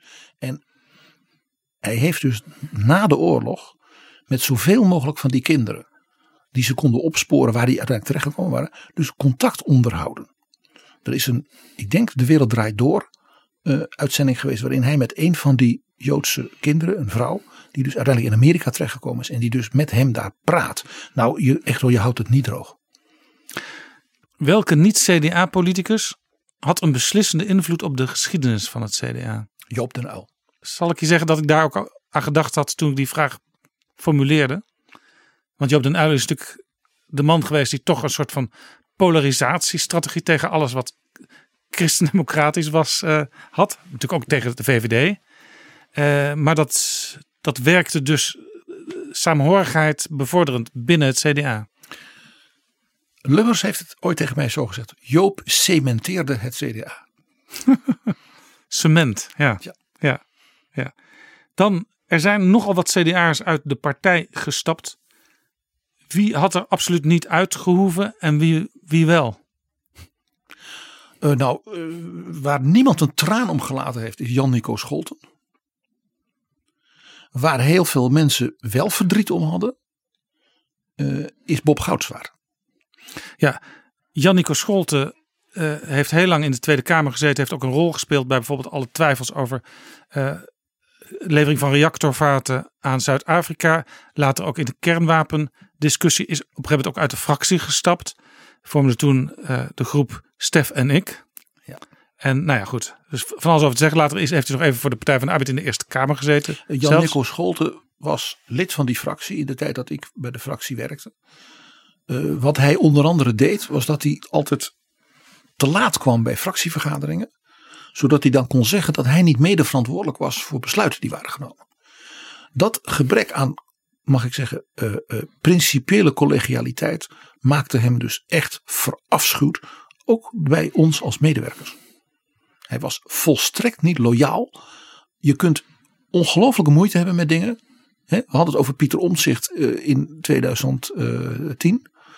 Maar dan kun je nog wel ja, volstrekt berekenbaar, vertrouw, betrouwbaar en loyaal zijn.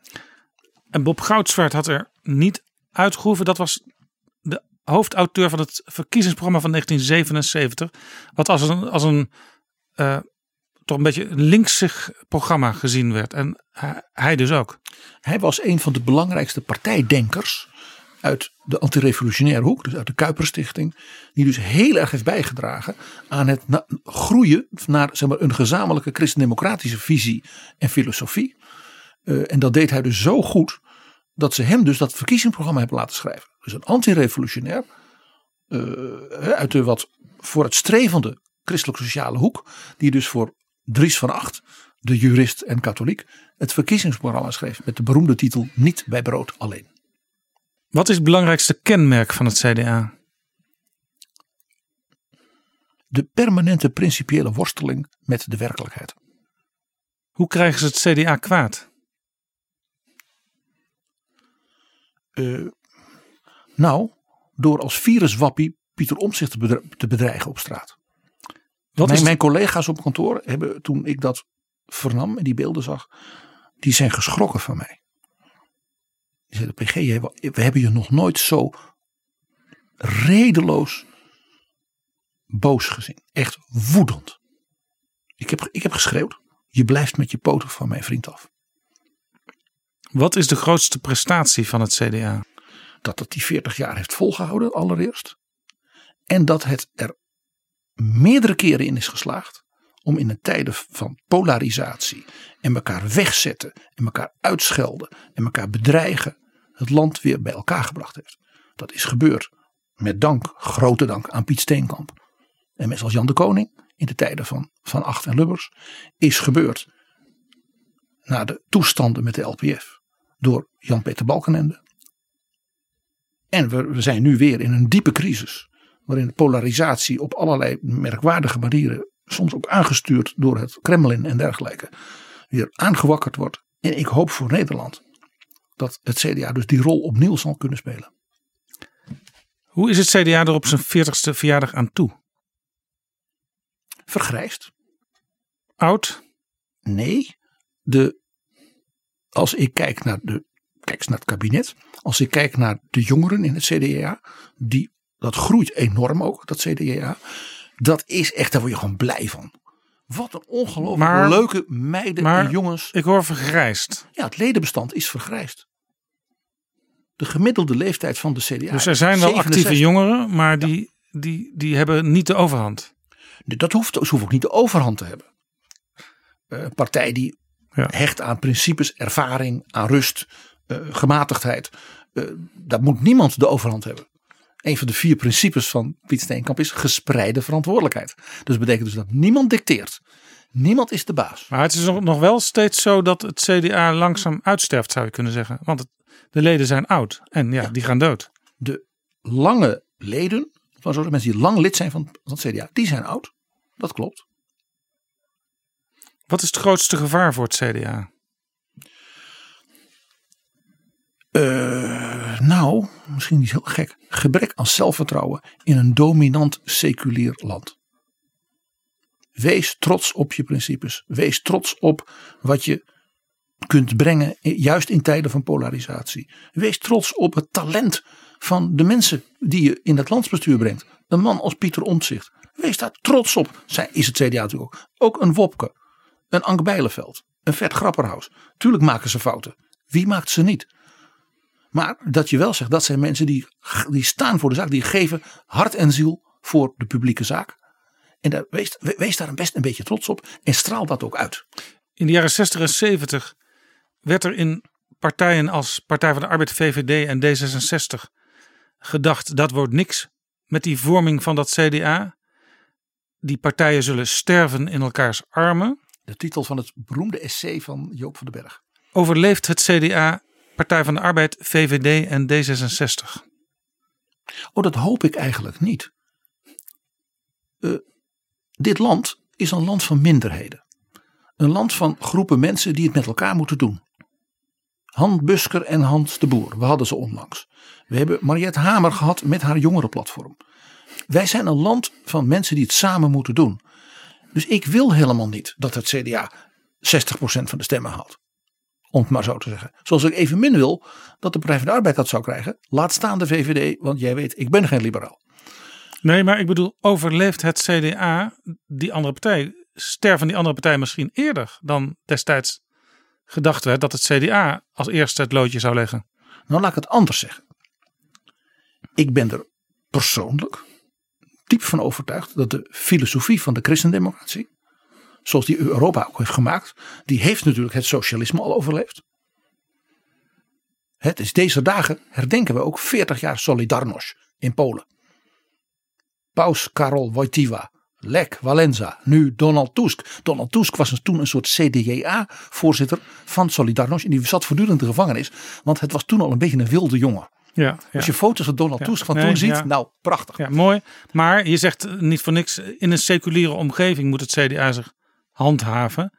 Het geeft al een beetje aan dat misschien die meer seculiere partijen ook wel meer levenssappen hebben. Nou, dat is dus niet gebleken bij het socialisme om te beginnen. Dat is, dat is natuurlijk een, een, een politiek drama. Dat is de ashoop van de geschiedenis. En terecht.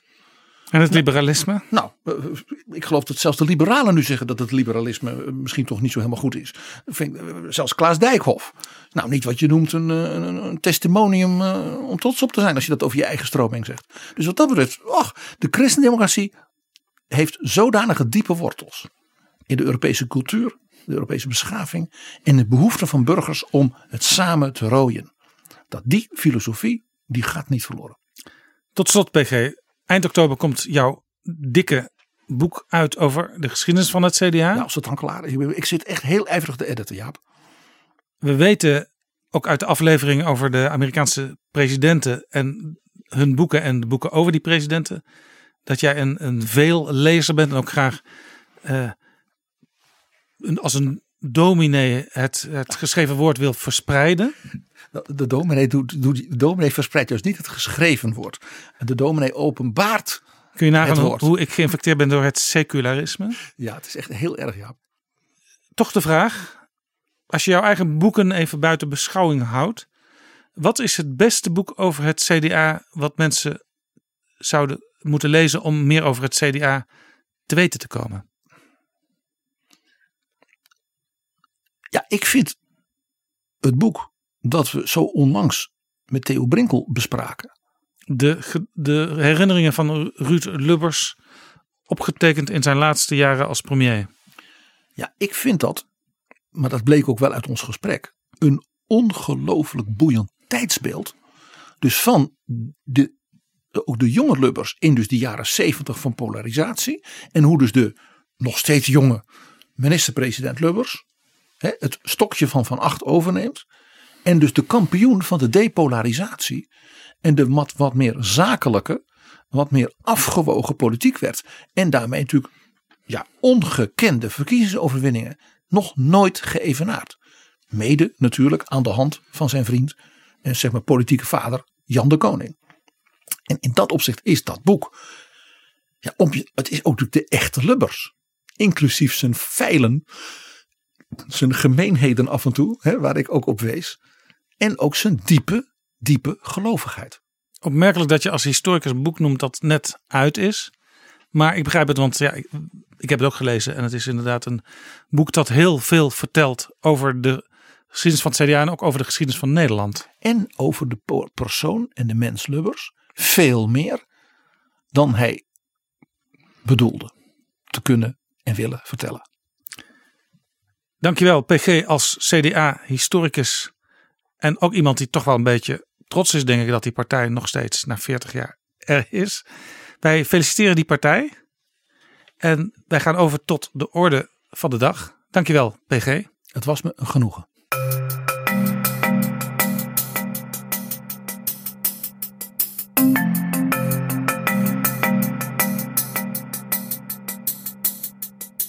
Zo, dit was Betrouwbare Bronnen aflevering 134. Over dat roemruchte CDA-congres in de Rijnhal in Arnhem is trouwens een uh, prachtig verslag te vinden op YouTube. Het complete acht uur durende NOS-verslag van die dag. De link daarnaar die staat in de beschrijving van deze aflevering. En deze aflevering, die je zojuist hoorde, is mede mogelijk gemaakt door We Nederland. Denk nog even, als je het nog niet gedaan hebt, aan de stem op betrouwbare bronnen voor de Dutch Podcast Awards. Die stem kun je uitbrengen via podcastawards.nl/slash stem. Ik herhaal podcastawards.nl/slash stem. Doe het nu. als je ons lief hebt. Tot volgende keer. Betrouwbare bronnen wordt gemaakt door Jaap Jansen in samenwerking met dag en nacht.nl.